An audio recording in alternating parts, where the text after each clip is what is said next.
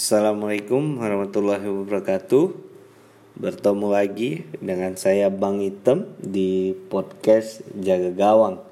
Kali ini kita sampai di episode 9 dari podcast Jaga Gawang eh, Di mana kita pada podcast sebelumnya eh, membahas tentang kegagalan timnas.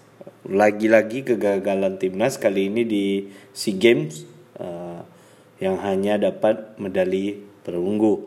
Uh, kali ini kita masih membahas tentang timnas, namun uh, kali ini lebih uh, ke perbandingan gitu. Jadi uh, kita kemarin uh, di SEA Games uh, ada beberapa timnas yang mengikuti SEA Games di Hanoi.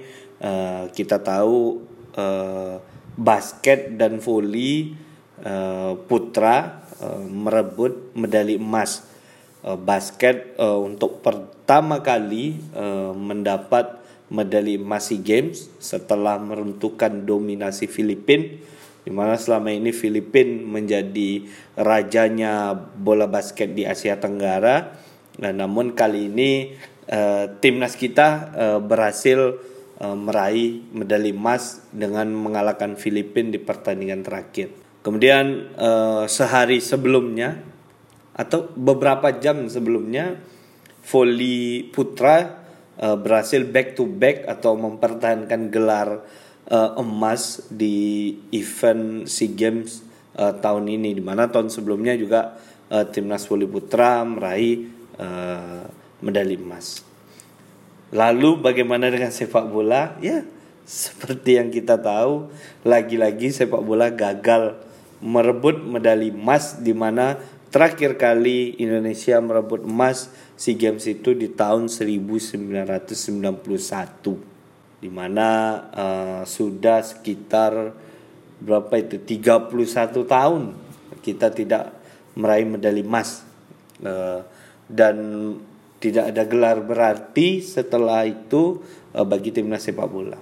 Jadi uh, di sini saya akan membahas sedikit uh, faktor uh, mengapa basket dan voli putra bisa meraih emas di SEA Games sedangkan sepak bola kita timnas sepak bola kita belum bisa meraih emas di SEA Games. Uh, di mana kita tahu uh, tiga olahraga ini uh, olahraga yang sangat digemari di uh, Indonesia selain tentunya uh, bulu tangkis. Tapi kita uh, bisa menyebut tiga olahraga ini olahraga rakyat lah. Bisa dimainkan oleh uh, semua kalangan dan semua umur. Dan kita bisa temukan ini di setiap desa. Mungkin setiap kampung punya tim voli punya tim bola punya tim basket gitu. Jadi uh, apa sih penyebabnya uh, sepak bola belum mampu nih uh, meraih emas seperti basket dan voli.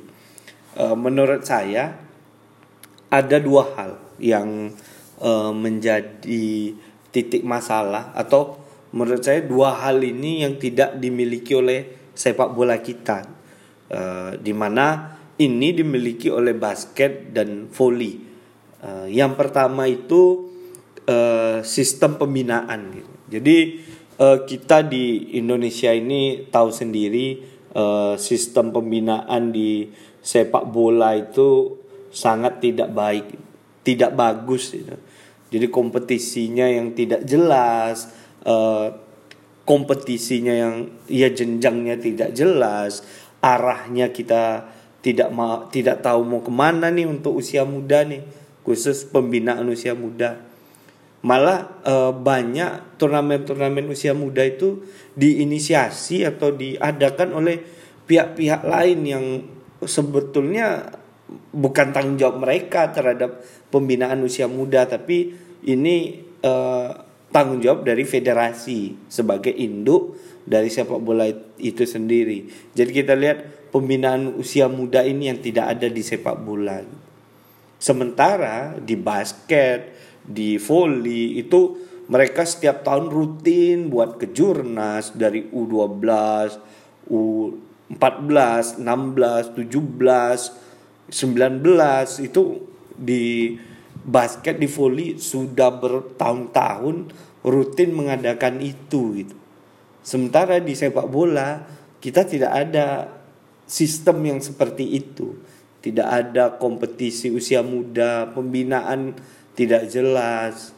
Uh, seharusnya klub-klub yang terdaftar di uh, eh, PSSI uh, eh, minimal tim-tim yang bermain di Liga 1, Liga 2 harus memiliki tim kelompok umur berjenjang.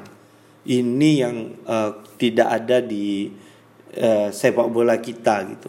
Sementara di volley itu berjalan, di basket itu berjalan, pembinaan mereka berjalan.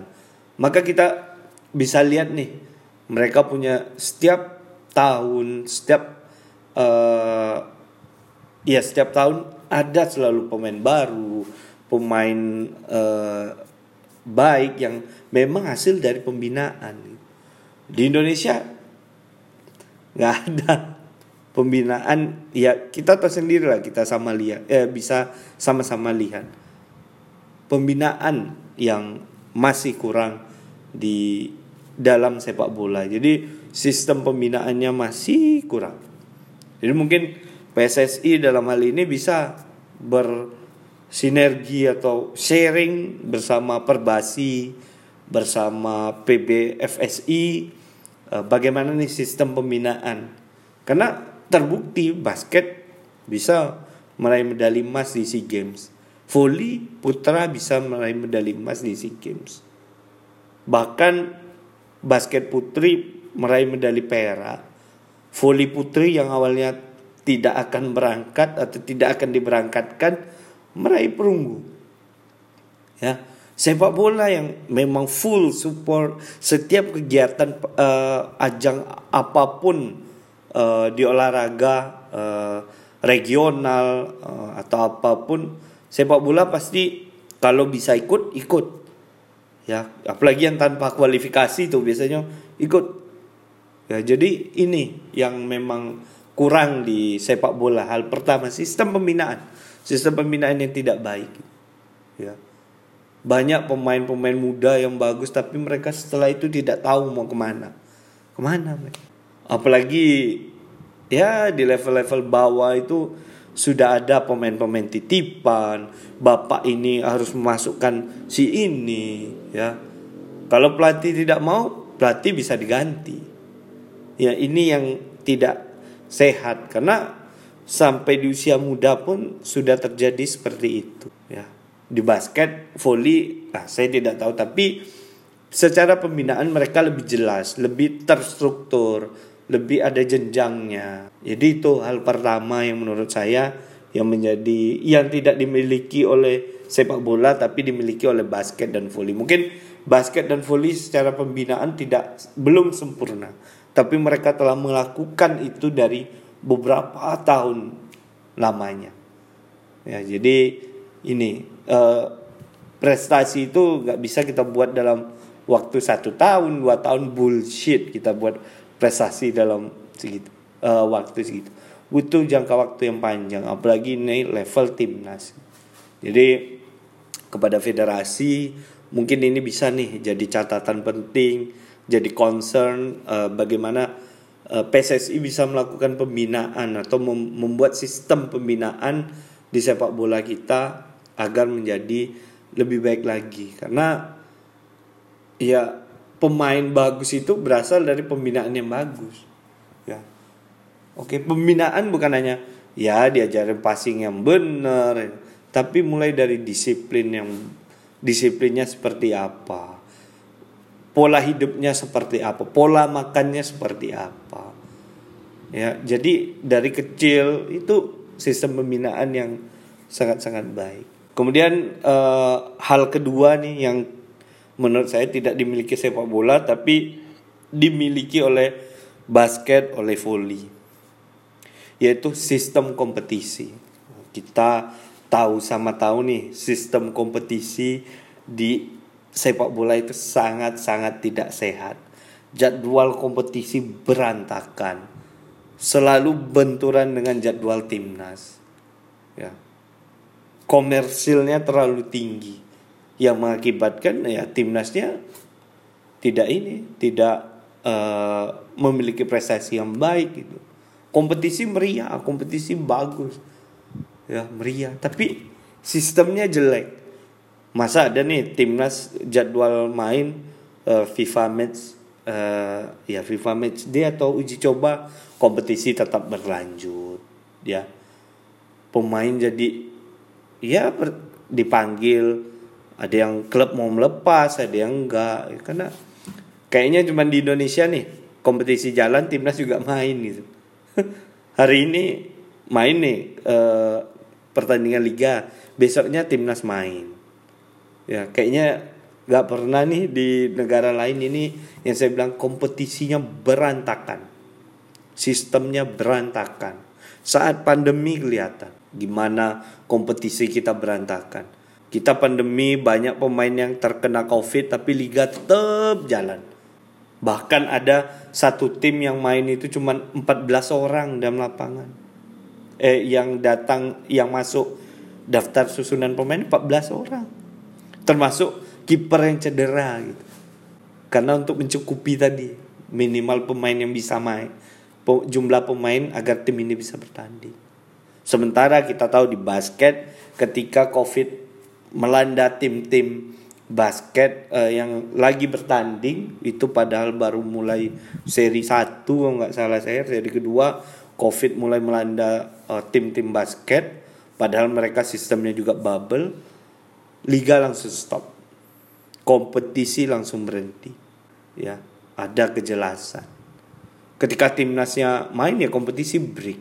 Nggak dipaksa kompetisi jalan timnas jalan ini yang menunjukkan ketidakseriusan uh, eh, PSSI ya entah PSSI ini entah uh, operator liga. Seperti timnas sepak bola ini sengaja dibikin tidak berprestasi. Ya kompetisi dibuat acak-acakan. Ya Liga 2 udah selesai lama nih Liga 1 belum juga selesai. Ada nih pemain yang sebelumnya main di Liga 2 bawa timnya lolos Liga 1 kemudian main lagi di Liga 1 di tahun kompetisi yang sama oke okay? Liga 2 nya di di luar kayaknya di luar negeri kita tidak pernah menemukan itu oke okay? di satu tahun kompetisi bisa beda selesainya dia itu punya rentang yang jauh ya selesai Liga 2 nih pemainnya masih bisa main setengah musim untuk Liga 1 kan ini sistem kompetisi yang sangat-sangat berantakan. Di volley begitu juga Covid melanda segala macam, liga juga sempat berhenti.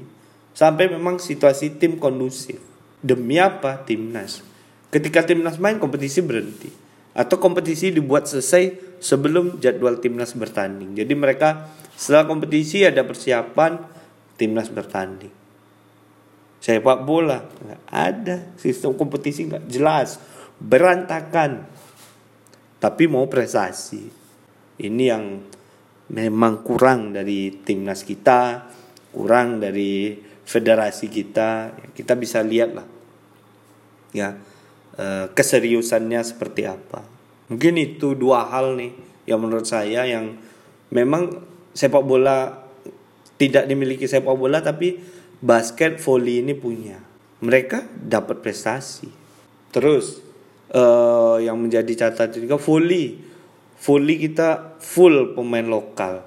Ya tidak ada naturalisasi. Tapi ada beberapa pemain volley kita yang bermain di luar negeri. Ini juga menjadi catatan. Basket kita kemarin cuma bawa dua pemain naturalisasi. Basket menurut saya oke okay, perlu naturalisasi. Karena basket memerlukan postur tinggi badan. Ya untuk uh, kita bisa bersaing di level Asia bahkan dunia. Makanya kita butuh pemain kayak Marques Bolden, butuh kayak Jawato, ada Lester Prosper ya, atau pemain keturunan seperti Derek Michael. Kita butuh kalau di basket.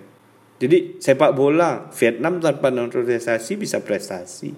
Karena sepak bola menurut saya tinggi badan tidak terlalu uh, penting tapi di basket itu perlu. Di volley sebenarnya perlu, tapi pemain volley kita secara postur cukup baik.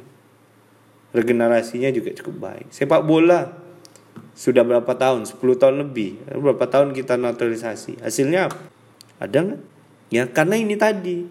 Ya basket dia naturalisasi tapi sistem pembinaannya bagus. Kompetisinya bagus. Ya sepak bola naturalisasi. Pembinaannya nggak ada. Ya kompetisinya berantakan ini yang susah. Basket kita lihat ya naturalisasi tapi pemain-pemain kayak Prastawa Abraham Damar Grahita Yuda Saputra Agassi ya. Siapa lagi? Uh, Vincent Juan Loren ya. Arki. Ya mereka dari mana asalnya dari pembinaan dari kompetisi dilengkapi dengan pemain-pemain naturalisasi seperti Jawato, Marcus Bolden dan beruntung kita punya pemain keturunan.